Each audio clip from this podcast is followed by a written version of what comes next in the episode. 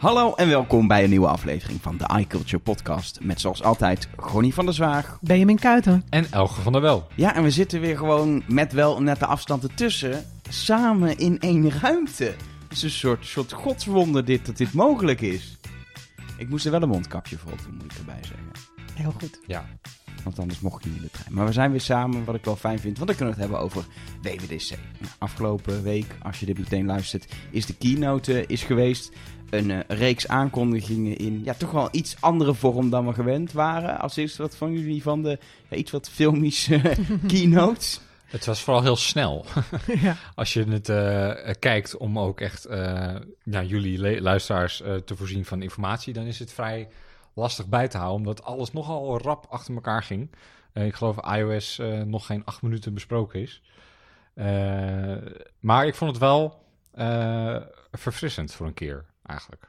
Ja, ik vond het er wel lekker uitzien. Ja. Ja, het ik is vond gewoon het ook... allemaal eh, lekker gefilmd. Soms was het wel iets te, iets te gelikt. Ook dat, dat ze even draaiden naar een andere camera in het begin en zo. Dan dacht Ja. ik soms, eh, jongens, het is ook weer geen documentaire die die aan het maken zijn. En je zag al heel eh, erg soms ook eh, dat ze van een autocue aan het aflezen waren. Ja. Je zag de ogen nogal heen en weer gaan. Dan waren de shots eigenlijk net even te dichtbij.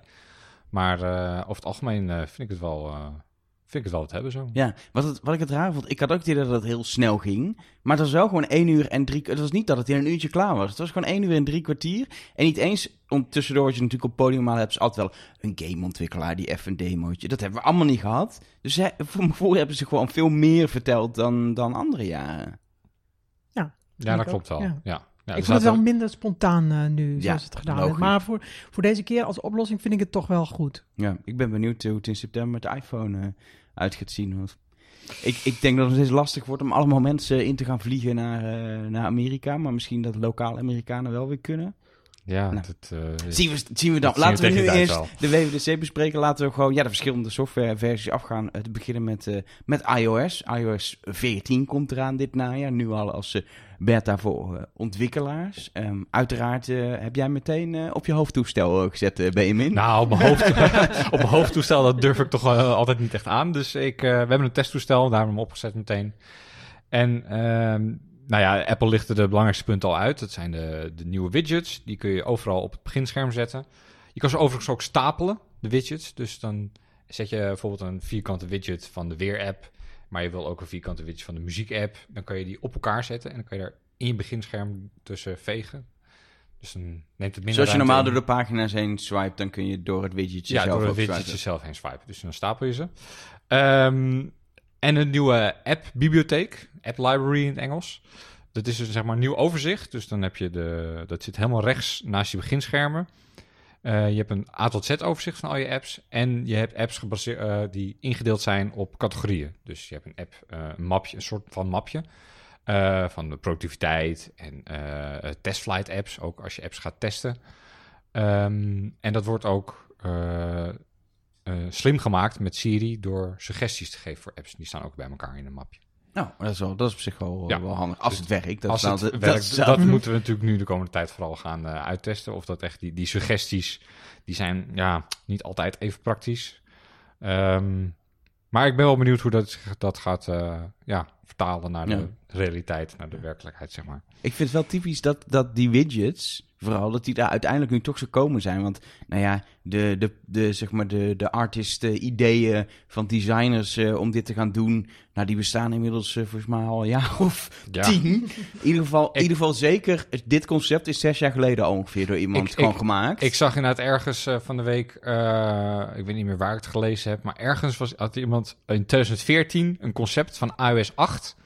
En dat zag er eigenlijk precies zo uit als nu dit. Dus dat is wel grappig inderdaad, dat, het, eh, dat Apple natuurlijk eigenlijk redelijk- rijkelijk laat is met dit soort dingen. En ik, ja, had, voor mij had het ook niet echt per se gehoeven. Want ik gebruik de widgets nu wel al veel, maar ik vind het juist wel fijn dat het, zeg maar, in een apart overzicht zit. Gewoon links van je eerste beginscherm. En ik hoef het niet zo nodig tussen al mijn apps oh nee, te ik hebben vind het staan. juist wel heel handig. Dat je dat, ja... Ik gebruik widgets dus bijna niet, omdat ik niet zijwaarts ge- bladeren. En ik vind het wel heel handig om sommige dingen, zoals weerbericht of zo, dan eh. Ja, maar dan, dan, druk ik juist lang op een app-icoontje en dan krijg ik die widget ook. Ja, dat doe Dat ik ook. gebruik ik dus nee, nooit. dat gebruik ik ook niet. Ik weet niet eens dat er dan widgets zijn. Kijk, dat is echt, ja, dat, Ja, ik, ik is de tweede maar- keer dat ik het zie. De eerste keer was toen, toen dit voor het eerst kwam, dacht ik, oh wat handig. En dan gebruik ik het nooit meer. Ehm, maar dat is, dat is wel mooi. Ehm, bijvoorbeeld de widgets links van je homescreen, die verdwijnen niet, dat overzicht. Nee, Dus het, het geeft je gewoon meer flexibiliteit. Als jij denkt, nou, ik hoef geen widget op mijn gewone homescreen, want dat wil ik Ja. niet. Dan hou je gewoon Ja. acht pagina's of 16 pagina's. Hoeveel heb je er met app-icoontjes? Dat is prima. Ja. Eh, ja, ik en- heb er twee, dus en mee. als je denkt, nou, ik wil eigenlijk helemaal geen app-icoontjes. Ik wil gewoon een paar widgets op mijn homescreen en ik gebruik de app-library. Kan het ook. Dus het geeft je wel veel meer flexibiliteit. Ja. Aan de andere kant maakt het het ook weer, weer extra complex. En dat hebben we natuurlijk de laatste jaren wel gezien met iOS. Dat elke toevoeging ook wel weer vaak een laagje complexiteit toevoegt. Ehm, dat is hierbij natuurlijk ook wel. Dat je, Met ja. meer kans op bugs, maar laten we hopen dat dat... Wat dat betreft, hoe, hoe, het is natuurlijk een allereerste versie, maar hoe, hoe, hoe instabiel is die? nou, ik vind het op zich reuze meevallen, eigenlijk. We hebben wel een paar keer een crash eh, gehad, maar over het algemeen...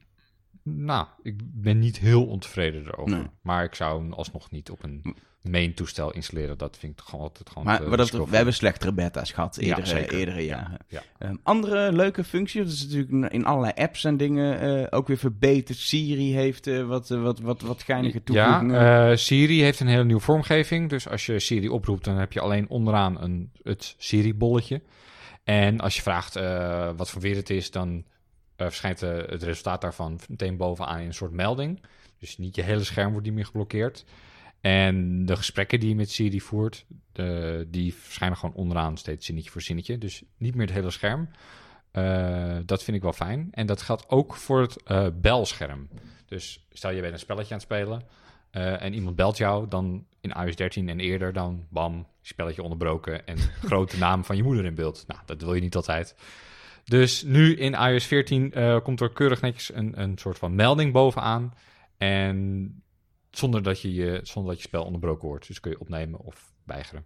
En dat is wel, dat is wel eh, een mooie Dat is een quality of life Ja. Eh, wijziging. Daar waar heel veel mensen wel blij mee zijn. Ja. Zeker op Het de iPad. Het zijn, zo, het Ja. zijn soms die hele kleine dingen waar eigenlijk niks nieuws aan is. Het is alleen een interfacewijziging waar Het je is- gewoon heel blij van kan Het worden. is een wijziging die eigenlijk al eh, vier jaar geleden had eh, plaats moeten vinden. Net als vorig jaar met die volume-aanduiding. eh, als je met knoppen het geluid harder of zacht zet. Eigenlijk hadden ze dit van die belscherm ook vorig jaar al meteen moeten doen. Maar goed, Apple heeft daar blijkbaar een jaar voor nodig. Het is ook zo'n kleine aanpassing. Ja, het is, zoiets dat je denkt van... waarom had dat niet eerder gekund? Waar ik zelf wel blij van word, als we het hebben over dingen die je scherm blokkeren, is dat video straks eh, picture in eh, picture kan Ja. op FaceTime. eh. dus ja, dan kun je... superhandig op Ja, de iPhone. Ja, niet? Je Jawel, dacht- nee, oh, nee, nee, dacht- het was- nee, het ik- was ik- Ik natuurlijk- hoorde een soort, sarcasme in je stem. Ja, echt super handig. Nee, het was natuurlijk al op de iPad. En eh, ik heb het gisteren eigenlijk toevallig gebruikt. Ik dacht, hé, hey, dat is eigenlijk toch best wel handig eh, dat je gewoon door kan kijken. Want soms ben je een beetje afge... Ik zat er weer de keynote terug te kijken. En dan weet je eigenlijk alles wel een beetje wat er gaat gebeuren. Dus dan tussendoor raak je een beetje verveeld. Wil je even wat anders gaan doen. Of iets opzoeken of zo. En dan loopt het gewoon door. Ik kijk dus letterlijk heel, wel eens in de trein dat ik als ik dan een YouTube-filmpje wil kijken, dan kijk ik hem op mijn iPhone met mijn AirPods, kijk YouTube-filmpje. Die zet ik tegen mijn laptop aan, zodat ik op mijn laptop ondertussen andere dingen kan doen. Terwijl dan wil ik gewoon, weet ik veel, dus zo een beetje door Twitter scrollen. Niet eens iets groots, maar omdat je iPhone gewoon overgenomen wordt door die video. En dat, ja, ik kijk daar wel naar. Voor mij is dat wel een verbetering. Ik vind dat bellen, Ja. vind ik dan weer niet, daar heb ik niet zoveel last van. Als iemand belt, wil ik toch opnemen en geen spelletje spelen. of weigeren, dat kan ook. Maar ik vind dit, dit vind ik nou Ja, wel over- echt handig. Over YouTube nog gesproken, het is nog maar de vraag natuurlijk of YouTube dat gaat ondersteunen. Want eh, apps moeten zich daarvoor wel aanpassen aan die picture-in-picture stand. En eh, het zit natuurlijk al heel lang op de iPad, sinds iOS 9. En daar heeft YouTube het ook nog steeds niet. Ze hebben liever dat je YouTube Premium neemt. Ik gewoon met een hooivork naar het eh, kantoor van Google Amsterdam als ze het niet heel snel gaan aanpassen in, eh, in het najaar. Ik hoop het. Ik hoop dat ze dat gaan doen, maar dat is nog even afwachten. Verder eh, was mijn conclusie dat we een nieuwe auto moeten kopen. Toen ik de keynote Ja. zag. Nou, dat duurt nog wel even voordat... ja. Tenzij je een eh, BMW 5-serie eh, van plan bent te gaan kopen. dat kan precies. deze zomer al. Ja, want daar zitten die eh, car keys in. Dus dan kun je je auto eh, deur openen en starten met je iPhone of met je Apple Watch. Ja, ik vind het wel gewoon een grappig eh, dingetje. Ja. Vooral een nitty-gritty detail wat ik las, is dat als je, als je battery eh died, als je, hoe zeg je het in Nederlands, batterij eh, dood is, je telefoon Ja. uitvalt, dan kun je nog tot vijf uur daarna kun je nog steeds je auto openen. Wat op zich Ja. vrij prettig is. Vooral omdat dat een plek is waar je hem ook weer op kan laden vervolgens. Dus eh, dat, eh, dat is wel, het zit wel, ze hebben er goed over nagedacht. Dat ze deze functie eh, inbouwden. Maar En je en je kan autosleutels delen met, eh, als je je auto wil uitlenen aan iemand. Eh, en dan kun je ook restricties instellen. Voor, voor- volgens mij ook zelfs voor eh, hoe hard iemand mag Ja, rijden. snelheid, ja. ja Ja. optrekken. Optrekken. En eh, de eh, luidheid van de autoradio. Zo. Ja. Maar dit kan wel interessant zijn als je ook ehm, van die, van die snapcar-achtige diensten hebt, waar je je auto dan inderdaad kan verhuren. Dat je op die manier even een tijdelijke sleutel lang kan Ja, geven. dat, aan dat vond ik dus wat gek van de aankondiging. Dat het heel erg gericht is op individuele gebruikers. Terwijl het juist handig lijkt me voor eh, uitlenen of voor Auto, autoverhuur. autovuurbedrijven, Ja. ja. Ja, deelauto's eh, Dus ik van eigenlijk wel wat partnerships verwacht of zo. Maar Volgende stap. Je moet, eh, op dit moment kan het alleen dan met die BMW deze zomer. Dus misschien dat dat ook eerst verder uitgerold moet worden voordat dat... Ja, ze moeten sowieso is. samenwerken met al die, eh, auto, al die autofabrikanten. En dat zal nog wel even duren. Ja. Maar eh, ik ben er wel benieuwd naar. Ja. Wel gek trouwens dat het met, alleen met de Apple Watch Series 5 kan. Ik weet niet. Ja, dat is niet helemaal duidelijk waarom dat het zo is. Want technisch gezien is de Series 4 en 5 eigenlijk gelijk. Daar zit natuurlijk een kompas in en nog wat andere kleine dingetjes. Maar dat is, er zit niet echt iets in de Series 5 waarvan je zegt... nou, daardoor kan het alleen maar... Zit er niet die, daarop. die- Het heeft iets te maken, een iPhone toch met die U1 Ja, chip? maar die, die zit niet in een Apple Watch. Dat is wel gek dan. Nee. Dus ik, ja, misschien dat ze het nog aan gaan passen. Ik, het lijkt me sterk, want Apple uh, kennende geven ze die specificaties wel meteen en Mhm. blijft het zo. En er is, maar er is ook geen reden om dit, zeg maar... Apple houdt natuurlijk wel functies gewoon achter voor nieuwere apparaten. Mhm. Want dat is logisch, Ja. want je wilt mensen nieuws kopen. Maar hier gaat het om mensen die al een nieuwe auto kopen. En die wil je vooral servicen. Dat zoveel mogelijk apparaten samenwerken met die auto. Ja. Dat is gewoon heel goed voor het hele ecosysteem. Dus er is voor Apple niet zo'n reden om te zeggen... we doen dan Series 4 Het niet. lijkt mij ook makkelijker voor onderhandelingen met autofabrikanten. Dat als eh, Apple zegt van... Kijk, we hebben al deze toestellen waar het straks mee kan werken. In plaats van, nee, we hebben alleen deze ene Apple Watch. Ja. Ik bedoel, dan zijn autofabrikanten toch meer geneigd om in te springen. Als Vooral, er een vooral omdat je vervolgens je klanten... De garage krijgt die klanten weer die zeggen... Hè, het werkt niet. Ja, Oh. Oh, u heeft een oude Apple Watch. Ja, dan werkt het niet. Dat heeft u niet gezegd toen u mij deze auto verkocht voor 60.000 euro. Maar het gek is dus dat het op iOS 13 wel gaat werken. Dat, dat gaan ze het ook aanpassen. ja. Dus eh, maar het is eigenlijk helemaal geen reden, want het is vanaf de iPhone 10R. Nou, daar kan je iPhone 14 eh, straks op installeren. Dus ik zie, zie dan helemaal geen reden waarom dat je op iOS 13 zou moeten blijven hangen. Nee, dat begreep ik ook niet zo goed. Ja, we brengen het ook eerder uit op ja, iOS dat is 13. zo groot mogelijke doelgroep. Hm, Ja. Oké. Nou, iedereen met iOS 13 die daar schik toestel heeft, die kan ook naar iOS 14. Dus, maar goed. Als je dat niet wil, dan eh, kun je het ook op iOS 13 ja. gebruiken. Eén eh, functie die ik ook heel graag uit wil lichten, die eh, misschien wat toelichting behoeft, omdat het best wel soms lastig is wat het nou precies is. Dat zijn die app clips. Want Ja. dat zijn een soort, Ja. ja, ik zie het als een soort, eigenlijk kleine websitejes, maar dan zijn het dan, fysiek zijn het wel apps, maar het zijn eenmalige dingen die je een keer opent omdat je het nodig hebt. Ja. Ehm, maar wat, wat betekent, hoe gaan we dat, want ik, het ging in de presentatie heel erg over dat een winkel of, of zo, maar ik, ik, het klinkt super vet. Ja, Je hoeft het niet te downloaden, het heeft één functie, super tof. Maar hoe gaan we dit in de praktijk gebruiken? Waarvoor kan het überhaupt gebruikt worden? ja dat is wel een beetje lastig, want eh nou, App gaf wel een paar voorbeelden inderdaad. Eh, als je een, een step gaat huren ergens en die moet je starten met een app, maar je wil niet die hele app downloaden en op je toestel hebben staan, want je gebruikt die step maar één keer. Dan scan je dus een QR-code of een NFC-chip en dan komt die mini-app van maximaal 10 MB, die komt dan meteen op je homescherm. Eh, of tenminste, als een soort kaart eh, is die meteen actief. En dan kun je je step starten en huren. Ik geloof dat niet zo. Maar- Want je moet toch ook een account hebben dan? Je kan toch eh, gewoon met je Apple ID en Apple dus Pay... het sign-in with Apple. Kan je natuurlijk een account aanmaken. Ja, maar dan moet je nog En- een paar dingen aan. Het is niet zo van ik hou hem er even bij alsof het Apple Pay is of zo. Nee, maar dan binnen die mini-app zitten dan nog wel knoppen en opties om dingen aan te passen. Zoals inloggen met je sign-in with Apple en eh, afrekenen met Apple Pay. Dat zit er gewoon wel allemaal ook in die mini-apps.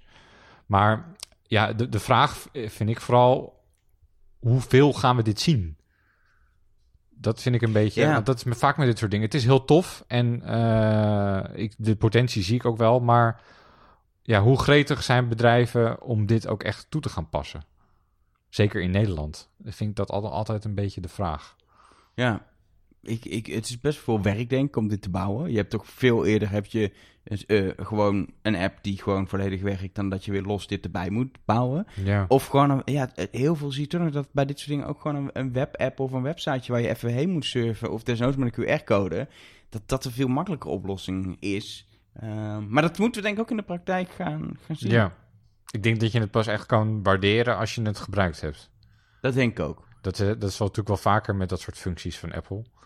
Dat je denkt van, hé, wat, eh, wat, waarom wil ik dit? Dit wil ik helemaal niet. Maar Apple weet vaak heel goed wat je wil, zonder dat je het zelf weet. Nou, waar, waar ik serieus een kans zie, maar ja, dat is een beetje laat. Ik was eh, toevallig gisteren bij, eh, bij een, eh, bij een fastfoodketen ehm, om even te eten. En daar moest ik online, moest ik die, eh, die zoals ze noemen, triagevragen beantwoorden. Dat is dan Ah. heb je klachten, iets met hoesten, koorts, et cetera. En dan moest ik een QR-code scannen, een website openen en dat allemaal doen. Maar dat, als je gewoon zo'n appclip zou Ja. hebben, Mhm. Daarvoor zou het inderdaad precies heel erg handig zijn. zou je dat even Ja. snel kunnen doen? Of, of eh, zeker in deze tijd zie je ook wel dat er eh, sommige, ehm, eh, bijvoorbeeld gewoon een, woktent mij op de hoek, die had ook dat je het online moest bestellen buiten de winkel. Dingen maken en dan kwamen ze het bij de Ja. deur brengen en afrekenen. Nou, dat zou je ook natuurlijk bestel, eten Ja. bestellen of zo. Dat je dat gewoon op die manier kan Ik doen. denk dat het nu wel ook, dat het qua timing ook wel weer goed uitkomt. Nu met het corona nog, en dat zijpelt natuurlijk nog wel een tijdje door.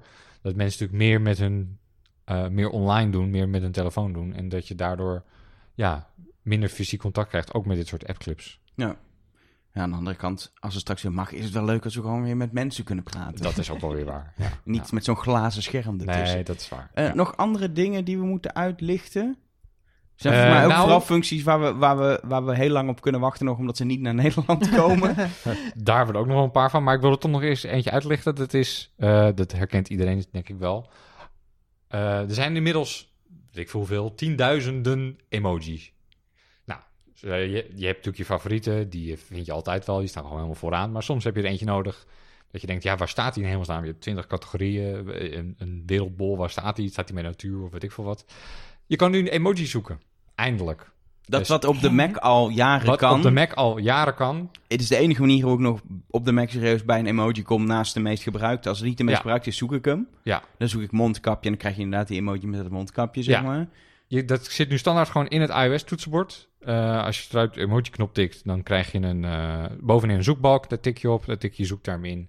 En dan verschijnen de emoji die erbij horen. Nu Precies al- zoals je verwacht dat het werkt. Zo Nu- werkt het. Nu al zin om lachende drol in te gaan typen. Ja, je kan ook gewoon eh drol intypen, dan komt het ook meteen. En, eh, en je kan ook, eh, zeg maar, emoties intypen. Dus blij, en dan krijg je alle blije emoji. Ja, je krijgt er ook meerdere inderdaad. eh. ja. Dus dat is, eh, dat is wel fijn, dat het eindelijk... En het werkt dus gewoon overal, of je nou iMessage gebruikt, of WhatsApp, of weet ik veel wat. Het zit gewoon standaard in het toetsenbord. Ja, het is Dus, onderdeel van de, van de emoji, van het universeel. emoji, toetsenbord. Ik heb ook nog wel een leuke functie. Die zit erin. die hebben ze volgens mij niet gedemonstreerd op het podium. Nou, was trouwens helemaal geen podium. Eh, dat is tikken op de achterkant. Dat is eigenlijk een eh, toegankelijkheidsfunctie voor mensen die bijvoorbeeld, eh, als je een screenshot wil maken, moet je bijvoorbeeld twee knoppen indrukken. Maar er zijn mensen die dat niet kunnen doen omdat ze geen kracht in hun eh, handen hebben of gewoon ja, te weinig vingers. Ehm, en je kan nu dus door achterop eh, eh, toestel te tikken, twee of drie keer, kan je bepaalde acties uitvoeren. Nou, screenshot heb je misschien niet nodig, maar bepaalde dingen, eh, bedieningspaneel openen, hartstikke handig. Kan je zelf instellen. Oh, dat is wel top. En eh, je kan het volgens mij ook, ook koppelen aan, eh, aan Siri Shortcuts weer om echt, dus echt een Klopt. complex iets eh, Ja, je Ja. kan dus met t- twee tikken op de achterkant kun je al je lampen uitzetten. Bijvoorbeeld. Dit is wel handig. Ja, Kunnen ze dit ook op de Apple Watch doen? Dat je op de Apple Watch kan tikken? Dat zou nog wel eens eh, handig kunnen Dan zijn. een ritmetje, dat je een bepaald ritme hebt waarin je moet tikken. Ik zie echt wel kansen. Ja, Ik zag trouwens wel, was wel grappig. Ik zag één iemand die had meteen een soort van een hack hiermee gevonden. Die had op die manier gemaakt dat je heel makkelijk de Google Assistant kan gebruiken op de iPhone. Want je moet natuurlijk, als je die wil gebruiken, moet je de Google app openen en dan kun je tegen de Assistant praten, wat heel omslachtig is. Maar omdat je een app kan openen via dat tikken, had diegene eigenlijk gewoon een hele simpele manier om de Google Assistant op de iPhone eindelijk eh, te gebruiken. Ik denk dat Apple, Apple dat niet helemaal laat voorzien. Zullen ze wel weer een uitzondering maken dat dat toch echt niet de bedoeling is. Ehm, maar wel eh, inderdaad een leuke toevoeging. Maar je Ja. moet hem dus wel even echt in de toegankelijkheidsopties, die steeds uitgebreider worden voor mijn gevoel, eh, moet je even aanzetten en dan Ja. kun je er gebruiken. ja dat, is altijd, dat vind ik altijd wel opvallend eigenlijk. Dat altijd Apple eh, dat soort functies in hun toegankelijkheid soort van verstopt. Maar die eigenlijk voor iedereen heel erg handig zijn. Ja. Ik vind nog steeds eh, eh, chatten met Siri, eh, in plaats van praten, zeker op de Mac, Ja. is echt handig. Mhm. Ja. Want ik wil niet tegen mijn Mac. Dat, meestal wil ik, zit ik ook met meerdere mensen, wil ik niet praten. Maar soms is het heel handig om te kunnen typen. Ja. Gewoon omdat je wel een makkelijk commando aan Siri kan geven. Dan is dat echt handig. Dat soort dingen zijn echt wel tof. Eh, dan, ik zei het al, er zijn ook allemaal functies die niet naar Nederland eh, eh, komen. Ja. We gaan ze niet allemaal doen, maar even gewoon een heel kort overzichtje. Ja, fietsroutes eh, zijn wel het belangrijkste, denk ik. Dat is wel de meest opvallende inderdaad. Wat Eh, wel gek is. Wat wel echt heel Ja, gek wat is. wel echt heel gek is. Ik bedoel, ehm, welke navigatie-app heeft tegenwoordig geen fietsnavigatie en fietsroutes? Dat ik kan er niet zo eentje opnoemen. Google Maps heeft het al zolang ik me kan herinneren. Waze, wel fietsfiles in Waze en zo. Ja, Ik zeg, ik Oh, zeg geen dit, idee. ik gebruik het niet. ik ook niet. Volgens mij heeft Waze het namelijk niet. Oh, Waze heeft het niet. Oké, Flitsmeister. Oké. ik neem mijn woorden terug. er zijn meer apps die nog geen fietsnavigaties hebben. Bing Maps Maar-. Maar je verwacht toch wel van Apple, dat is natuurlijk wel een van de belangrijkste eh, navigatie-apps, zeker op iPhones, dat dat er wel in zit. Nou, dat komt er nu dus eindelijk aan. Maar alleen in een, ook niet eens dat je zegt van, kijk, in heel Amerika brengen we het nu uit. Nee, alleen in, ik geloof, drie steden in Ja. Amerika en twee in China. Ja, volgens mij Beijing zat er ook bij. Beijing en Shanghai. Shanghai. En dan eh, volgens mij LA en... eh, en New York en San Francisco, ja, geloof ik. Mhm. Ja. Dus, eh, Terwijl ze hebben, ze hebben in Amerika Portland, wat de fietshoofdstad van Amerika is, en die slaan ze dan weer over. Ja, ik, eh, de keuzes die Apple daarin maakt, eh, snap ik ook niet helemaal. Maar ehm, wat ze dan weer wel grappig gedaan hebben, is dat je nu dus ook, als je dan zo'n fietsroute start, dan geeft hij ook aan als je bijvoorbeeld een steile helling op moet fietsen. Of eh, plekken waar je een trap op moet lopen. Nu zal je dat in Nederland denk ik niet zo snel hebben, want je kan overal lekker vlak fietsen. Ehm, maar goed, voordat het hier in Nederland komt, dan zijn we denk ik wel een jaar of, nou wat zal het zijn? Ja, toch niet drie jaar of zo? Twee, jaar verder? Hmm, Als je kijkt naar openbaar vervoer in Apple Kaart, hoe lang dat geduurd heeft? Oké, ja, ik geef toe. Het ligt maar net aan. Kijk, ze zijn hier misschien niet afhankelijk. Bij openbaar voor ben je echt afhankelijk van deals met databronnen. Hier ben je gewoon afhankelijk met dat je de data hebt. Eh, ik heb geen idee hoe makkelijk of moeilijk aan die data te komen is. Daar zal het heel van, Hmm. van afhangen. Ja. Eh, dus we, we- zullen we het gewoon afwachten? We kunnen Ja. wel weer gaan voorspellen hoe lang het duurt. Nee, maar, dat, eh, laten we dat inderdaad niet doen. Maar eh, in ieder geval is het eind van het jaar nog niet in Nederland Nee. beschikbaar. Maar mocht je toevallig in New York zijn en een fiets willen huren of pakken, dan kun je daar lekker mee navigeren. En hoe zit het met flitsers dan? Ja, dat, daar geldt eigenlijk hetzelfde voor. Eh, flitsers komen naar Apple kaarten. Mhm. Maar we weten trouwens nog helemaal niet waar dat dan beschikbaar komt. Eh, Apple heeft geen landenlijstje gegeven of zo. Maar als je kijkt naar waar de eh maximum snelheden in Apple kaarten, waar die beschikbaar zijn, dan is dat ook alleen maar Canada, eh, VS, eh, Verenigd Koninkrijk en China, geloof ik, uit mijn hoofd. Hm. Ehm, dus die flitsers zullen ook wel al voorlopig alleen naar dat soort landen komen en nog niet naar Nederland. En elektrische voertuigen dan? kan ik nog even doorgaan? Nou. ja, nee, daar kunnen we inderdaad nog heel lang doorgaan. Maar ehm, nou, in ieder geval, het goede nieuws is dat eraan komt. Het slechte nieuws is nog niet bij ons. Ja, en hetzelfde geldt voor een eh, vertaalfunctie. Een soort ja, Google Translate-achtige functie in, eh, in, eh, in iOS. Super handig volgens mij, ook via Siri aan te roepen. Best wel veel talen die op zich worden ondersteund. Nog lang niet zoveel als Google, hoor, maar het was wel Ja. meer dan alleen Engels en Spaans, zeg maar. Ja, Maar eh, Nederlands eh, is, is in geen velden of wegen te bekennen. nee. Waar ik wel denk, ja, inmiddels zijn die datasets zijn er toch gewoon... en Siri kan in het Nederlands, dus hoe moeilijk is dit? Ja, dat Ja. vraag ik me nog steeds met heel veel dingen af. Eh, Als je kijkt naar Siri op de HomePod, hoe moeilijk is het? Ik bedoel, Siri is al heel lang Nederlands, dus... Maar ik weet niet waarom Apple dat altijd zo, eh, zo gefaseerd en zo relatief traag toch uitrolt. Ja. Zeker omdat concurrerende diensten zoals Google Translate dat al heel lang hebben. Ik, moet- ik zit persoonlijk ook niet echt dat ik denk van yes, een vertaal-app. Dat gaat mijn leven Nee, maar het is verrijken. een maar functie als het bijvoorbeeld in, eh, in Siri of zo zit, volgens mij. het vertalen met Siri was wel al lange tijd mogelijk. En ik denk dat ze gewoon ook die dataset nu gebruikt hebben. Ja. Onder andere Mhm. om dat eh, in een aparte vertaal-app te gieten. Maar eh, ja, we moeten er nog even op wachten. Je Ja. kan wel, nou ja, stel je bent in, weet ik veel, Frankrijk in, op vakantie en je wilt het vertalen, dan kun je het natuurlijk wel gewoon naar het Engels laten vertalen. En dan, voor- als je een beetje goed Engels kan, dan kom je er wel uit, denk ik. Dat is waar, maar het is ook, vaak is het ook dat je het andersom juist wil vertalen, toch? Dus je iets wil vragen of zeggen. Nou ja, als- Kun je het ook in het Engels je kunt het in het Engels invoeren en dan komt het in het Frans uit. ja. Er zijn workarounds. Ik denk dat Google Translate gebruiken op dit moment nog een stuk makkelijker Dat denk ik is. ook. Ehm, Van de iPhone moeten we misschien even kort ook natuurlijk door naar de iPad. En dat is tegen natuurlijk sinds vorig jaar een, een los eh, eh, OS. Ja. Ehm, daar ook al wat verbeteringen. Eh, onder andere natuurlijk ook wat functies die overkomen vanuit, eh, vanuit, eh, vanuit iOS, logischerwijs, die dan ook in iPad OS eh, zitten. Ehm, maar eigenlijk het meest opvallende vond ik dat heel veel iPad-apps een soort ja, macOS-achtige balk aan de linkerkant krijgen. Ja, je ziet dat iPad en Mac nog steeds meer naar elkaar toe groeien. Dat zullen we straks ook nog met macOS bespreken. Ehm, maar inderdaad, heel veel standaard apps van Apple krijgen zo'n heel uitgebreide zijbalk. En dan kun je alle extra productiviteitsdingen mee doen. En makkelijker navigeren door apps en zo. Maar ik moet zeggen dat de iPad OS update mij toch een beetje tegengevallen is eigenlijk. Je had meer verwacht. Ja, Hmm. voor... eh, kijk, het is de tweede keer dat er echt een iPad OS update is. Überhaupt. En vorig jaar hebben ze wel echt gezegd van... Nou, kijk, eh, iPad verdient zijn eigen besturingssysteem. Maar los van die zijbalk en wat Apple Pencil dingen... is er eigenlijk niet heel veel Nee, is wat echt nieuw Mhm. is. Ja, maar we hebben natuurlijk een grote update dit voorjaar gehad. Mouse support is natuurlijk best wel een Ja. fikse upgrade in de hele UI van en de werking van iPad OS. Dus is het ja, dan is het nu even een kleinere stap. Maar we hebben Ja. natuurlijk een, tuss- een best wel belangrijke tussenstap eh, gehad. Ja, dat is waar. Maar ik had toch op het gebied van multitasking bijvoorbeeld wel meer verwacht. Je kan eh, natuurlijk nu gewoon eh, split view en je hebt slide over en je hebt eh, meerdere vensters van dezelfde app. Maar ik had toch Waarvan ik echt nog steeds niet. Ik, het, het werkt ook nog niet dat je het denkt, lukt mij gewoon niet. Je ik snap het nooit moet- waar ik nou. ah, is- ook als ik zo'n slide over doe, dan kan ik alleen onder of boven kan ik weer wegswipen. Anders werkt ja, dat. Het via het streepje bovenaan. Het is, het is het is nog niet zo intuïtief als dat je zou willen.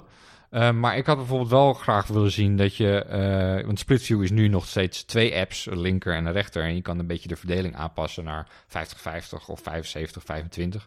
Maar de iPad is toch inmiddels wel krachtig genoeg om vier Split View kolommen naast elkaar te kunnen zetten.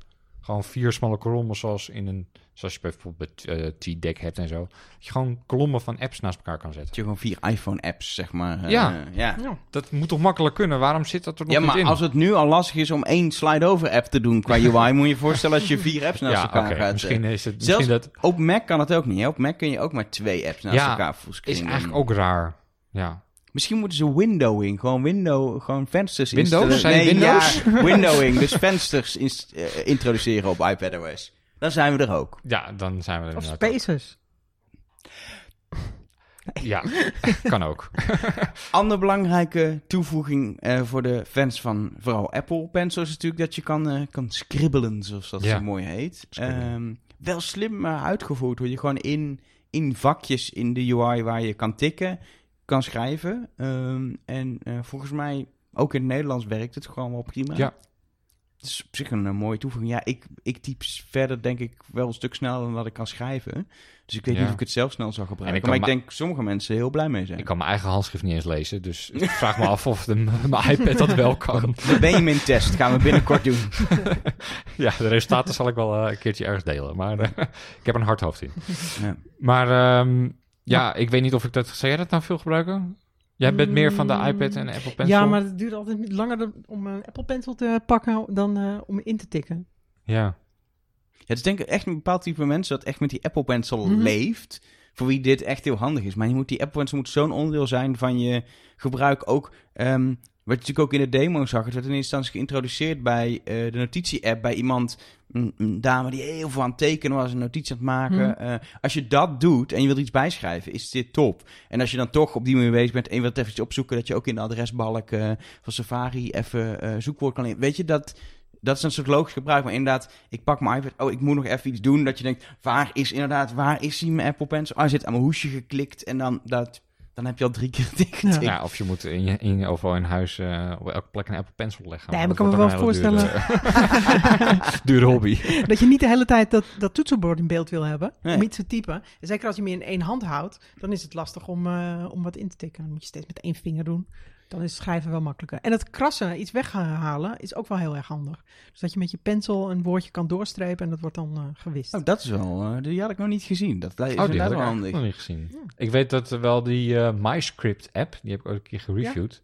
Die had ook Die zo, had dat eh, ook, ja. die had ook zo'n functie. Ja. Die, daar, daar kan je ook gewoon mee schrijven en dan zet hij het om in, in, in getypte tekst. En dat zat net ook zo'n kras. Het is best wel handig als je, als je een tekst wil controleren. Dan gaat het sneller dan dat je dat op de iPad eh, moet doen met de spatiebalk lang indrukken drukken en dan de cursor naar de juiste plek Ja, eh, ja, krijgen. ja.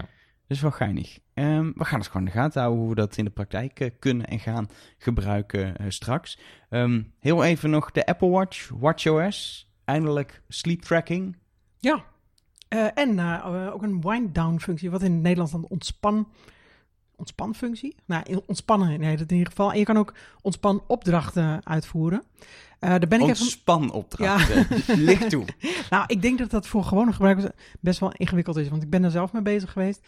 En je moet dan eh, eigenlijk Siri shortcuts instellen. ehm, die je wil laten uitvoeren tot een, eh, ja, bijvoorbeeld een kwartier voordat je gaat slapen. Dus dan wordt bijvoorbeeld, eh, gaan de lampen uit of eh, je gaat muziek spelen of je gaat een boek lezen, dat soort dingen. Dat kun je instellen. Je kan ook aangeven hoe lang je wilt slapen. Ehm, dat had je natuurlijk eigenlijk al met die bedtijdfunctie. Eh, maar dat is nu wat meer uitgebreid en zit ook op de Apple Watch. Ehm, en hij waarschuwt dan als het tijd is om in bed te gaan. En hij maakt je ochtends weer wakker met, ja, met trillingjes. Ehm, en wat je ook nog kan doen is dan eh, slaapanalyse eh, bekijken. Ja, maar, dat, echt, dat is de echte Ja. sleep tracking Ja. natuurlijk. Ja.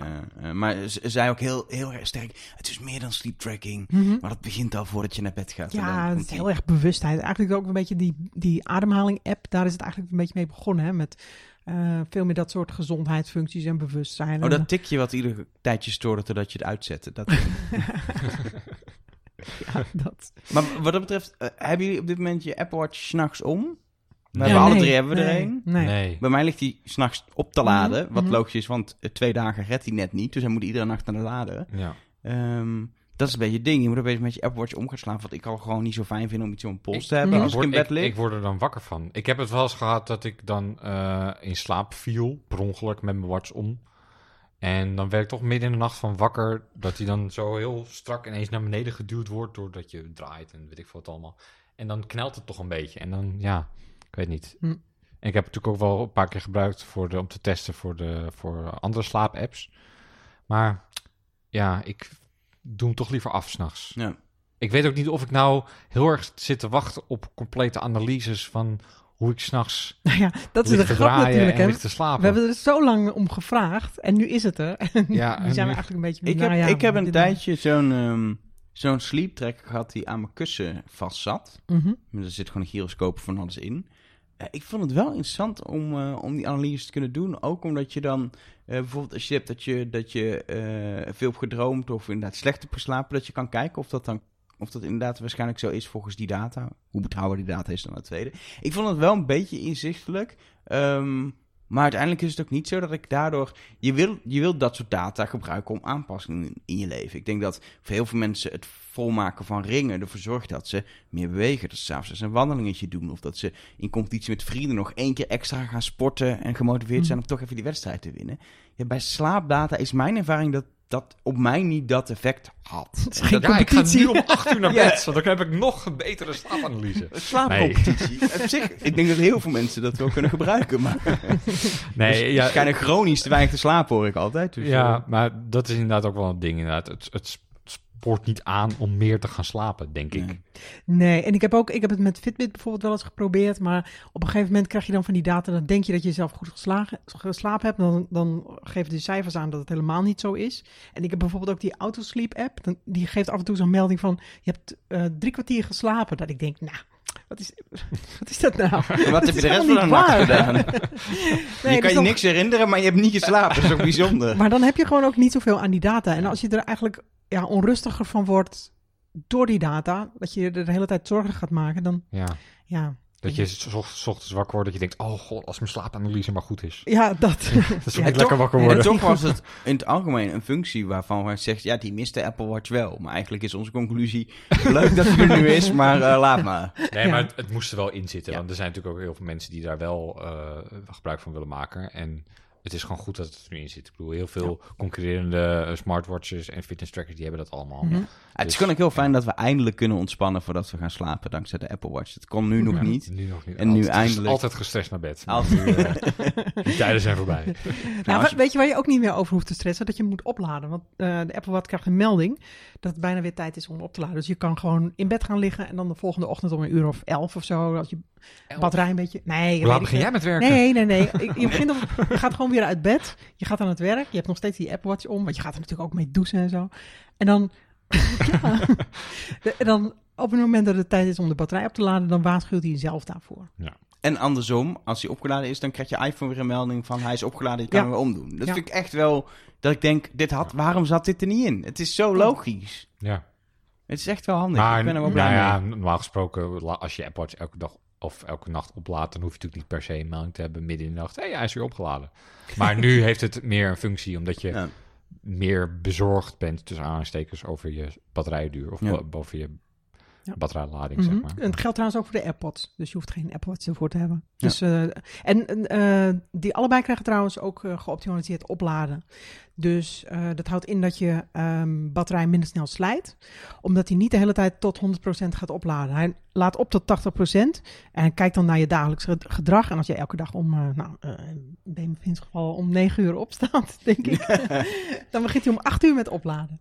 Met de rest verder opladen. op, ja, van 80 naar 100%. En dat doet, eh, maar met de AirPods, want die stop je natuurlijk gewoon in het doosje als je niet meer Mhm. wil luisteren. Maar heb je dan echt zo'n vast patroon dat je luistert, dat hij dat goed kan afstemmen?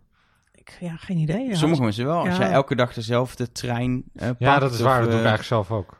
Het ligt er maar net aan als je altijd diezelfde Zoom-meeting hebt waar je ze voor gebruikt om tien uur met je collega's. Ik heb geen idee, maar als dan, ik denk als een ritme te ontdekken is, zal hij dat gebruiken. Is het totaal geen ritme te ontdekken, zal hij er ook niet zo mee omgaan. Ja.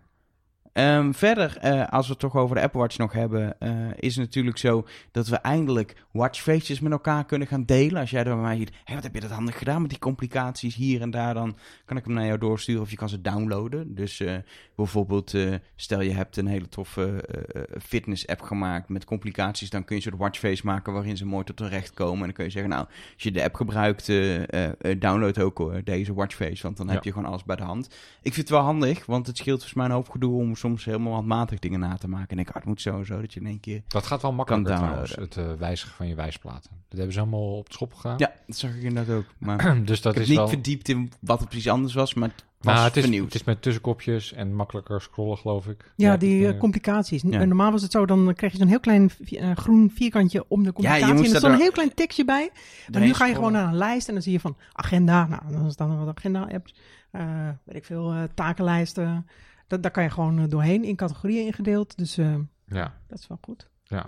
Het is... ehm, nou, je kan dan nu inderdaad die, die wijsplaten delen, maar... Vind jij het nou jammer dat ze...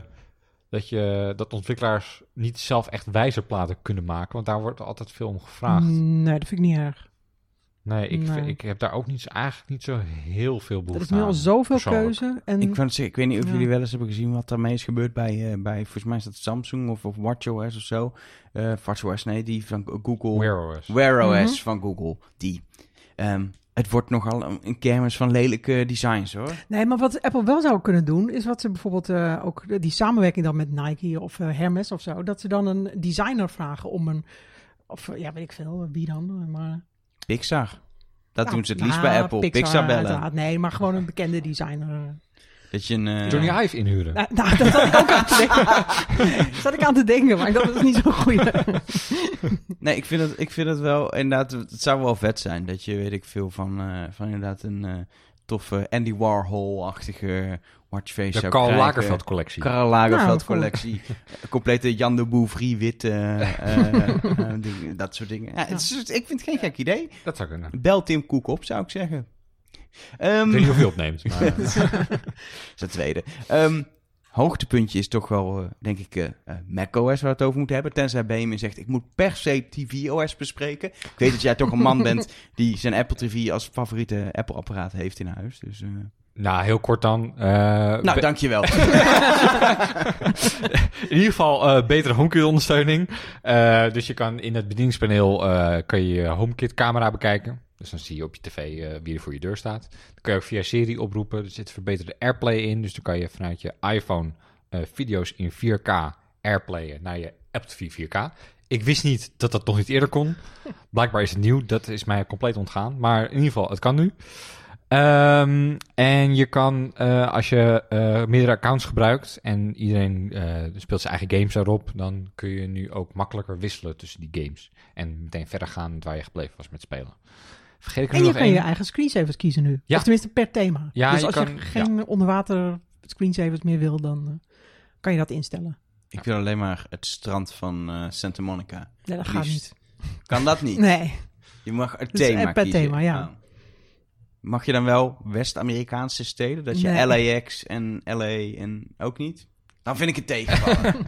Plekken waar je geweest bent, zou ook een leuke zijn. Dat je alleen maar plekken ziet waar je ooit geweest bent. Dat zou wel Dat zou zijn. Want Ja. ik heb heel vaak dat ik, dan, dat ik dan bijvoorbeeld voor werk in LA ben geweest. En dat ik dan tegen een vriend bank zeg... Dat is het hotel waar ik sliep. Weet je, omdat je dan geweest bent, dat je gaat kijken. hè. Of als je denkt, hé, hey, dit ziet er wel uit als een stad die ik ken. Dus ik vind dat vind ik leuker dan steden zien die ik dan niet ken.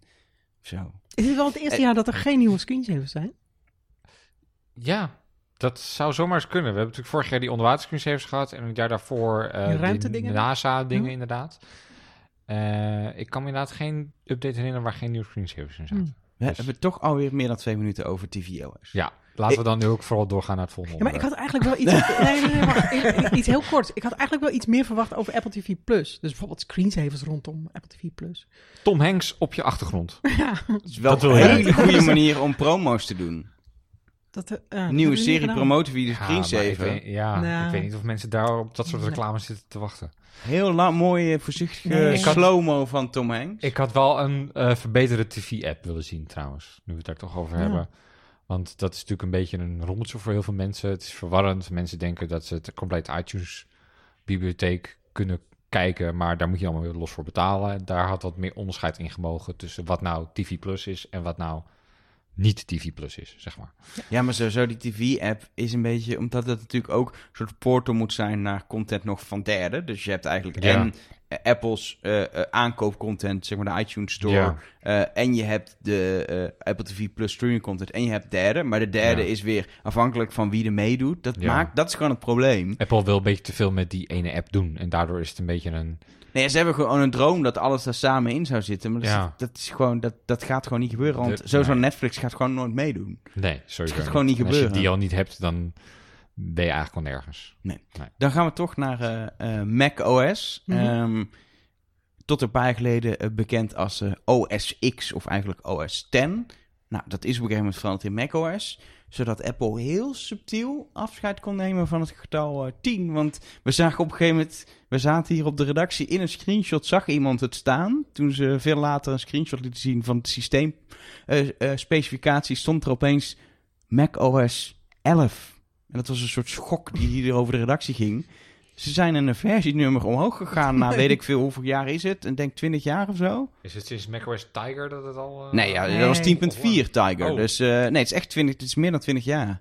Ja. Zijn ze omhoog gegaan naar macOS 11. eh, en niet voor niks, want het lijkt opeens op een iPad. Ja, dat is wel kort samengevat. Ja, dat is de klopt wel. samenvatting.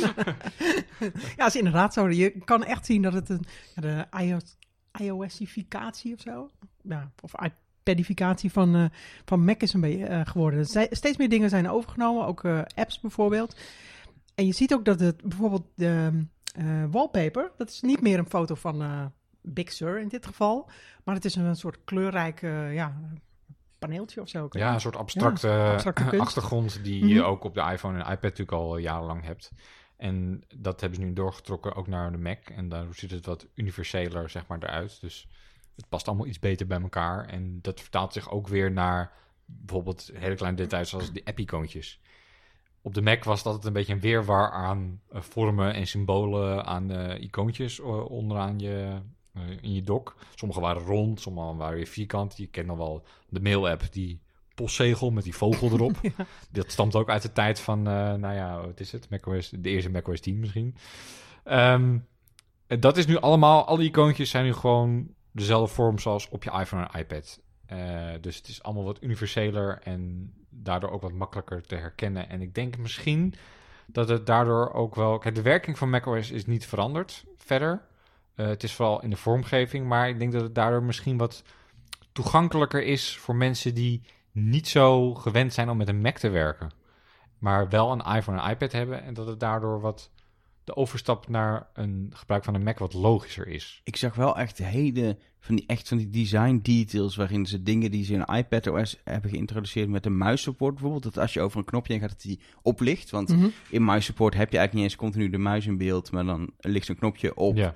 En dan verandert je muisaanwijzer in dat knopje. Nou, eh, op Mac blijft je muisaanwijzer gelukkig gewoon je muisaanwijzer. Want volgens mij word je anders gek eh, als het opeens Ja. verandert. Maar er ligt ook het knopje op. Dus met heel veel van die kleine details. Het dock zweeft. Zit niet meer vast aan de onderkant, maar zweeft. Iets zoals eh, je afkent van, nou ja, je- ook de iPhone, maar zeker de iPad. Het is gewoon, Ja. ze hebben heel veel kleine nitty-gritty details eh, hebben ze naar de Mac gehaald. Waardoor wel ja, die, die stap van, eh, het wordt niet één, dat ontkent Apple ook. Maar het moet, denk ik, voor gebruiker al steeds meer één ecosysteem gaan voelen. Waarbij je inderdaad gewoon iOS hebt voor de iPhone, iPad OS voor de iPad, Mac OS voor de Mac. Maar de verschillen worden steeds ja, kleiner. En Nu nog in design, maar zeker met wat iPad natuurlijk toevoegt aan nieuwe functies, wordt, ja, wordt het wel steeds minder het verschil Ja. in gebruik ook. Ja. Nou, Jean-Paul zei op een gegeven moment, het gaat straks een beetje op Catalyst OS eh, lijken. Want alles draait natuurlijk nu ja, om, om Catalyst. En je kan straks ook eh, eh, bijvoorbeeld iPhone apps en iPad apps op de Mac draaien. Ehm, eh, er zijn weer twee nieuwe Catalyst apps bijgekomen. De kaarten app is helemaal aangepast en de berichten app. En die, die bestonden natuurlijk al, maar dit, dat zijn nu Catalyst apps. Ja. Dus je zult veel meer, ja, eigenlijk lijkt het veel meer op op, de- op iPad-versie. Ja. En nu is Catalyst natuurlijk wel eigenlijk een, een maar tijdelijke oplossing.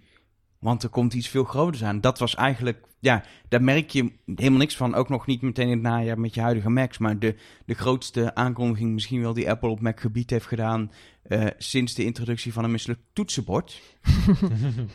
Dat was een grapje, maar nee, de, de grootste introductie denk ik ongeveer sinds de introductie van misschien wel de MacBook Air. Als je het mij vraagt Mhm. is die overstap van eh, Intel-chips, die eh, Apple sinds 2004 uit mijn hoofd 15 jaar, eh, ja. Mhm. gebruikt. Eh, in die eerste witte, witte MacBook. Ik heb hem nog gehad. De eerste Intel Mac was mijn kennismaking met, eh, met Mac destijds. Omdat het een stuk makkelijker werd door, doordat het Intel-chips waren. Ja, en nu neemt Apple afscheid, niet direct. Maar gaan ze Intel de komende twee jaar uitfaseren om hun eigen chips, die we al lang kennen. Want in je iPhone en iPad zit zo'n Mhm. chip. Om die ook te gaan gebruiken in, Ja. in de Mac. Ehm, ja, ik kan wel uit gaan leggen eh, dat het iets te maken heeft met performance, maar jij weet daar veel meer van, Gonnie, volgens mij.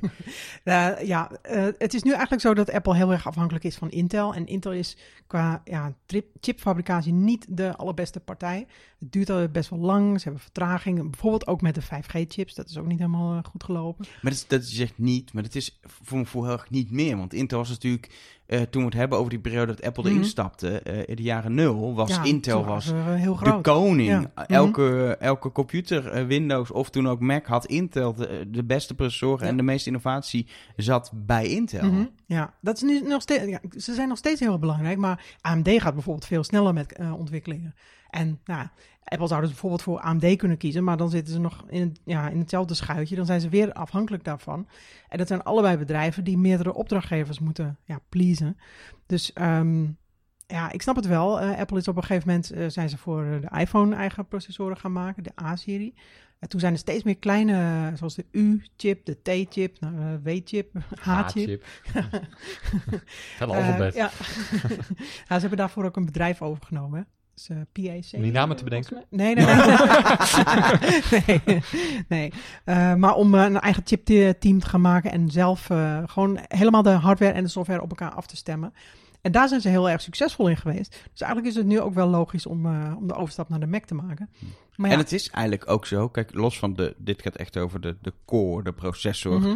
Maar in een MacBook zitten al eh, je Touch ID en de hele veiligheid wordt door een, door een chip gerund. Mhm. eh, die van Apple zelf is. Ja. Eh, eh, die nieuwe U1-chip die het mogelijk maakt om, eh, om onder andere, ehm, hoe zeg je dat, de Air, Airplay- op dit moment AirDrop op richting Mhm. te doen. Maar Mhm. om locaties, hoe noemen ze het nou, special eh, dingen Ultra mogelijk te wideband, maken. je? Die, Die, de ja. ult- Ja. in ieder geval de ultra chip, Mhm. die is van Apple zelf. Ze hebben het natuurlijk Ja. in de koptelefoon. Ze hebben ook al, ook in je Mac zitten al gewoon eh, Apple's eigen chips. Eigenlijk de Ja. enige niet Apple eigen chip ongeveer die er nog in zit. Los van inderdaad een 5G-chip die ook niet van Apple zelf is. Maar dat komt vast ook nog ooit een keer.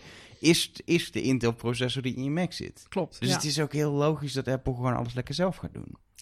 Ja, en eh, er wordt ook al voorspeld door Ming Chi Kuo, de, de bekende analist, dat eh, die processoren 50 tot 100 procent eh, meer performance gaan bieden dan de huidige Intel-chips. Ja. Nu is het zo dat als Intel nieuwe, nou de Coffee Lake of Ice Lake, weet ik veel, eh, er zijn allemaal van die namen die dan aangekondigd worden. En dan duurt het wel anderhalf jaar voordat, ehm, nou ze maken dan eerst chips voor de ja, goedkopere of de high-end modellen, weet ik eigenlijk niet precies, maar voor andere merken. En voor Apple moet dan een aanpassing worden gedaan. En dat duurt zo lang dat het ja, tegen de tijd dat, dat jouw MacBook te koop is met die nieuwe chip, dan zijn er alweer nieuwe chips in aan. Eh, toch? Ja, dus je hebt eigenlijk altijd, uit- zelfs bij de nieuwste Mac, heb je eigenlijk nog steeds een oude Intel-chip wel, eh, ja. stiekem. Ehm, wat natuurlijk eh, eh, wel het geval is, als je nu kijkt naar een iPhone of een iPad waar die chips in zit, dan zit die erin zonder dat er zeg maar eh, eh, eh, actieve koeling op zit. Het is normaal Mhm. in een MacBook, dat hoor ik wel eens, een ventilator, dat is actieve koeling. Ehm, als je nu hoort wat een iPad Pro al aan rekenkracht heeft en je ziet dat die grafiekjes, dan denk je, wow, als, de, als ze die ook nog goed kunnen gaan koelen, dan kun je Mhm. natuurlijk die performance verder opdoen. Dan, dan gaan we wel een soort, nou wonder is misschien overdreven, maar dan, dan wordt het echt heel interessant wat voor rekenkracht er uit die chips gaat. Als het allemaal werkt, hè, want daar hebben ze denk ik getest, ik ga vanuit dat het werkt. Maar dat, dit gaat echt wel, dit Mhm. gaat echt wel interessante, ja, eigenlijk upgrades in rekenkracht waarschijnlijk opleveren op, Ja. eh, op termijn. Maar zit jij zo te wachten op performanceverbeteringen? Nee, dat niet per se. Maar dat het is, vind ik altijd een beetje lastig. Van, ik kan wel een super, super, super snelle eh, MacBook kopen, maar mm, ik ga eh, een beetje internetten en eh, schrijven.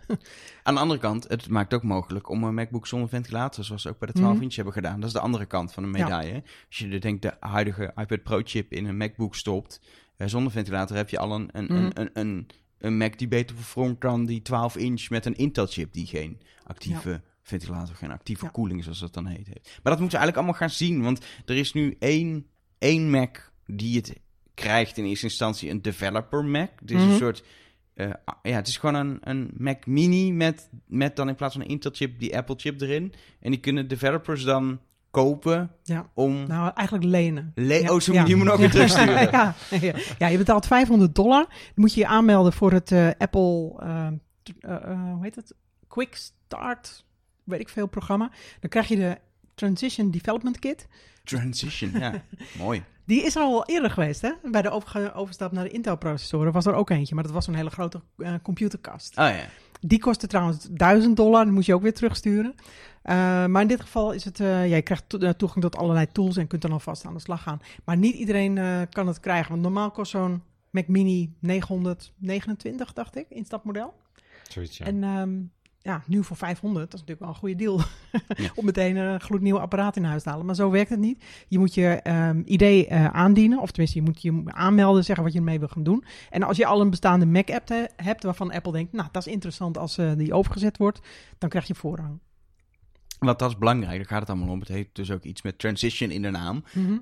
Het punt is namelijk dat een app is gebouwd op dit moment voor de Mac op het feit dat hij op die, die architectuur van Intel draait. Ja. En als je dus eh, eh, een heel andere soort processor technisch gebruikt, kun je niet standaard de software die erop draait, erop draaien. Klopt. In ja. principe moet in theorie alle software ja, opnieuw geschreven of in ieder geval gecompileerd. Het wordt allemaal heel technisch, ik ga niet te ver in Nee. worden. Ja. Dus dat is een heel groot probleem. Dat probleem heeft Apple al een keer getackled toen ze naar Intel gingen. Ik herinner me dat ook Mhm. dat het zo was, dat niet alle software werkt. En dat je, ja, je had iets dat heette Rosetta, wat een soort de magic eh, layer was, Ja. die dan eh, ging doen tegen die software ging zeggen dat hij een Intel-chip was, zeg maar. Of dan, Mhm. dan nog PowerPC, maar dat zal er nu Intel-chip worden. Dat hij, dat hij, ja, hij gaat het emuleren eigenlijk. Ja. Hij gaat net doen alsof, wat weer tot gevolg heeft natuurlijk extra rekenkracht kost. Maar dat is wel de oplossing die Apple opnieuw kiest. Aan de ene kant, ontwikkelaars Mhm. moeten opnieuw een software schrijven. Of in ieder geval, als ze het gewoon helemaal eh, recent hebben geschreven, kunnen ze het vrij makkelijk opnieuw compileren. En werkt het, Mhm. hopelijk voor een groot deel werkt het al. Maar aan de andere kant krijgen we eh, de terugkeer van Rosetta, ik noem het net Klopt, al even. eh, na, ja, wat, wanneer is het uitgefaseerd? 2011 is het volgens mij officieel of zo uit mijn hoofd uitgefaseerd. In ieder geval na meer dan tien, laten we zeggen tien jaar, keert Rosetta eh, terug. Ja, Wat, klopt. wat gaan we daarvan merken concreet als eh, Mac gebruiker? Ehm, nou, kijk, Rosetta is eigenlijk een, inderdaad ook een tussenoplossing. En hopelijk hebben we het maar heel kort nodig. Apple heeft zelf gezegd dat de hele overgang ongeveer twee jaar gaat kosten. Maar ik denk dat dat wel iets langer duurt. Want dit jaar komen er nog steeds eh, Macs met Intel-processor uit. En eh, er zijn natuurlijk ook nog mensen die gewoon heel lang met hun Mac gaan doen. Ehm, Ik denk dat ze met die twee jaar ook meer bedoelen over twee jaar introduceren we eh, of verkopen we alleen maar Ja. Macs ja, met dat een eigen assortiment chip. alleen nog maar eh, Ja. uitbestaat, ja. Maar de, de echte overgang duurt natuurlijk veel langer. En het punt is inderdaad, die, die Intel-chips werken met de x86 eh, instructieset. Dat zijn gewoon ja, op laag niveau eh, instructies die een computer begrijpt. Eh, terwijl die ARM-processor natuurlijk met de ARM... eh, eh, instructieset werken. Ehm, Apple noemt het overigens helemaal niet ARM, maar eh, het spreekt de hele tijd over Apple Silicon. Ja, maar dat is gewoon Dat is Apple. beetje- Apple ja. heeft voor alles een eigen naam. Stel je voor dat je de soort gangbare term moet gebruiken. Mhm. Ja, een, een display met, eh, met een hele hoge eh, aantal pixels, dat heet ook niet eh, een van de high density eh, pixel eh, Nee. display. Mhm. Dat moet dan weer retina heten. Daar Ja. heeft Apple ook zelf verdacht hoor. En vind ik nu een heel normaal woord, maar het is gewoon net zoals Apple Silicon, iets wat ze Mhm. zelf eh, bedenken. Dat is denk ik Klopt. gewoon iets waar Apple Ja. een handje van heeft. En het is natuurlijk, het is ergens is het ARM of ARM of REM of weet ik, ah nee, dat is een band. in ieder geval, dat is het ergens in architectuur, maar die hele, dat is de basis. Mhm. Maar dus de, alles wat eromheen is, is ook echt Apples eigen chip. Het is puur de, de basis, hoe het heel Mhm. diep technisch werkt, Mhm. is ARM. eh. Zoals dat in heel veel apparaten tegenwoordig is. Want als je een Samsung telefoon koopt, is het uiteindelijk ook een ARM-chip. Mhm. Ehm, maar daarboven is natuurlijk heel veel wat Apple zelf heeft toegevoegd Mhm. en eh, Ja. aangepast en gedaan om het eh, op hun manier te laten werken. Daarom heet die chips ook altijd Apple A nog iets. Omdat Mhm. het niet gewoon iets is wat ze naar China bellen of naar Taiwan bellen. Doe maar even wat ARM-chips. Nee, ze bouwen dat helemaal zelf op basis van, eh, van die technologie. Ja, wat het concreet voor mensen betekent, als je nu een eh, MacBook hebt, nou, dan zit er natuurlijk een eh, Intel-chip in. Kun je ook gewoon blijven gebruiken de komende tijd. Eh, ontwikkelaars moeten hun software aanpassen, maar ja, er blijven natuurlijk ook nog wel oude apps over die je kunt blijven gebruiken.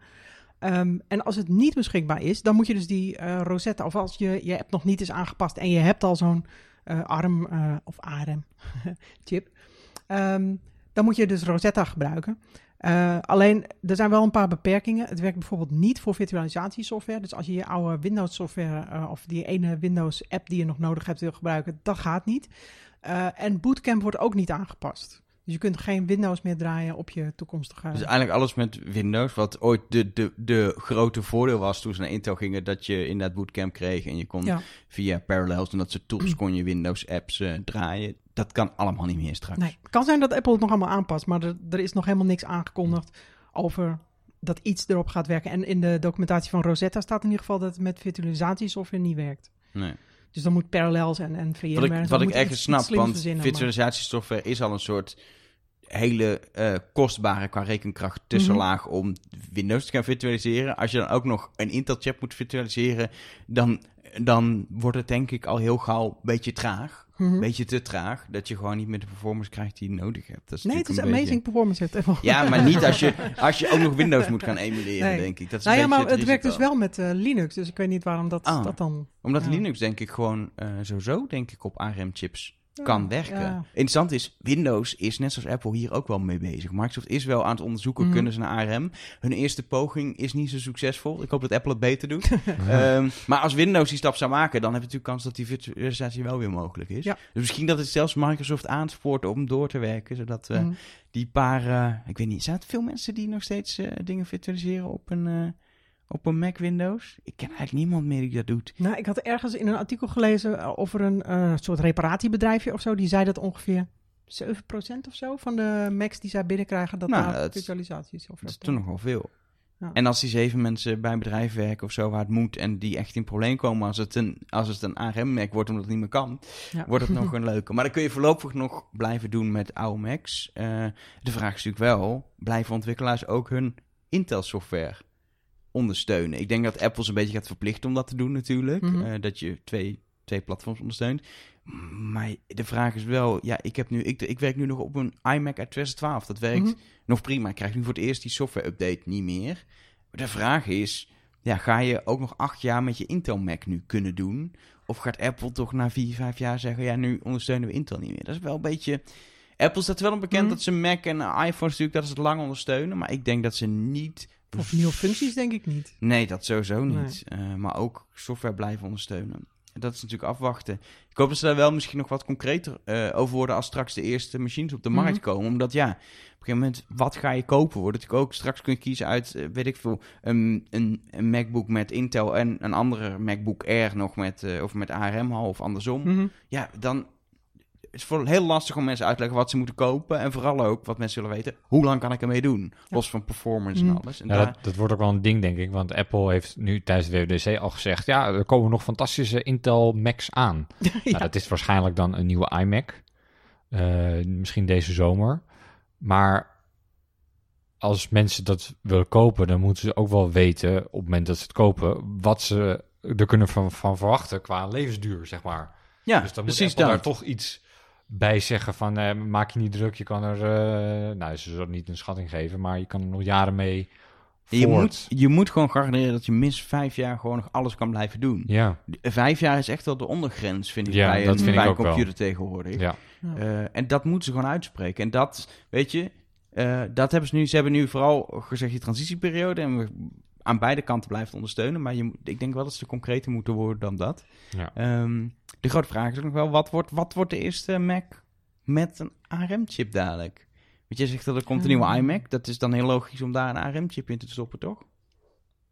Eh, ja, er waren, er zijn wel geruchten, geloof ik, dat er eh, in het najaar dan een, eh, de eerste dan... Tenminste, Apple heeft al gezegd dat in het najaar de eerste Mhm. eh, eh, Mac met eigen chip komt. Maar ze hebben toch niet gezegd wat voor Mac dat dan wordt. En er zijn geruchten over een MacBook, geloof ik wel. Ja, er waren aanvankelijk geruchten over een 12-inch MacBook, dat Ja. die terugkomt. Ja, En dan als een speciaal model. Dat is op zich wel slim, want dat is een niet zo heel erg grote doelgroep. Dus dan als er iets misgaat, dan eh, hoef je niet eh, miljoenen eh, MacBooks terug te halen. En er wordt ook over de 13-inch MacBook Pro gesproken. En wat eigenlijk ook wel aan een update nodig is, is de iMac Pro. Maar dat zou ik, ja, zou ik een beetje riskant vinden. Ik denk niet dat ze met de meest pro Nee, eh, omdat je daar natuurlijk ook gaan pro-software voor nodig hebt. En dat kost gewoon Pro tijd. software, maar je moet ook zeker weten dat die grote rekenkracht, koeling, alles wat erbij komt kijken, Ja. helemaal Mhm. werkt. Eh, dus ik denk, ik denk dat, een, dat ze zo'n MacBook voelt logisch. Het gaat natuurlijk ook, het gaat ook heel erg om hoeveel stroom een chip gebruikt. Mhm. Eh, die ARM-based chips dan bekend ze minder stroom gebruiken voor dezelfde rekenkracht. Ja, dat is bij een iMac leuk, want dan is je stroomrekening lager. Maar het is veel leuker bij een MacBook, want dan gaat hij langer mee hopelijk op de accu. Dus ik denk dat ze wel, ja, het is wel logischer dat, dat je daar eerst op Mhm. concentreert, op de mobiele apparaten. Maar Ja. dat eh, moeten we gaan zien.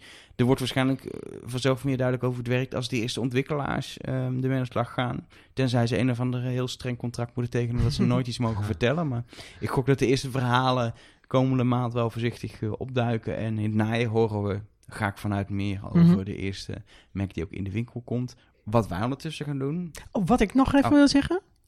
We gaan nog een extra podcast opnemen. Later deze maand. Ehm, met eh, Antoine van der Lee. Die is eh Swift-ontwikkelaar. En die gaat ons vertellen wat eh, alle wijzigingen en aankondigingen voor ontwikkelaars betekenen. Dat is echt wel leuk om die kant eh, van het verhaal eh, te horen. Over eh, hoe- appclips gaan werken en dat soort dingen gaan we dan waarschijnlijk eh, van, van hem horen. Dat wordt erg leuk. En wat we ondertussen gaan doen is, we zijn nou begonnen, jullie vooral beta's testen. Nog meer testen, nog meer testen. Rare, eh, vreemde toegankelijkheidsfuncties opduiken die toch wel handig blijken. Dat soort dingen. Ehm, daar lees je sowieso over op iculture.nl natuurlijk.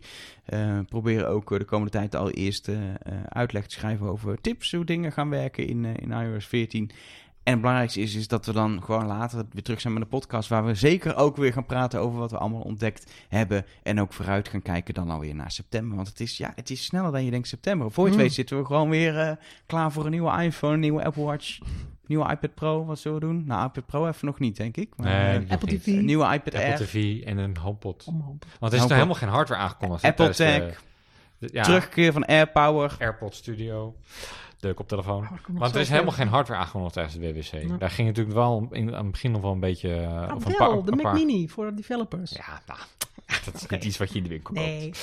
Maar ehm, de, de, dat waren wel geruchten dat er een, dan die nieuwe iMac kwam, maar dat eh, bleek uit achteraf toch niet het geval. Ehm, dus er komt heel veel nieuwe hardware nog aan.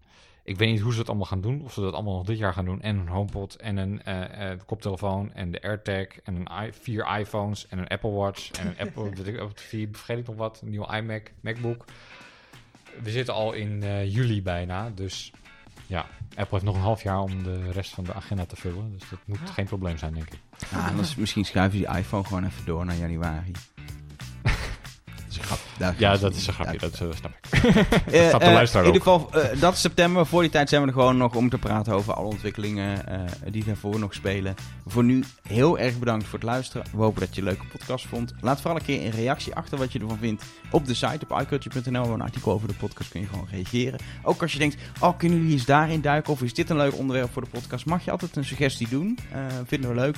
Ehm, je mag een review achterlaten in de podcast-app van Apple met een x-aantal sterren. Bijvoorbeeld 5. En voor nu, hartelijk dank voor het luisteren en tot de volgende. Doei. Doei.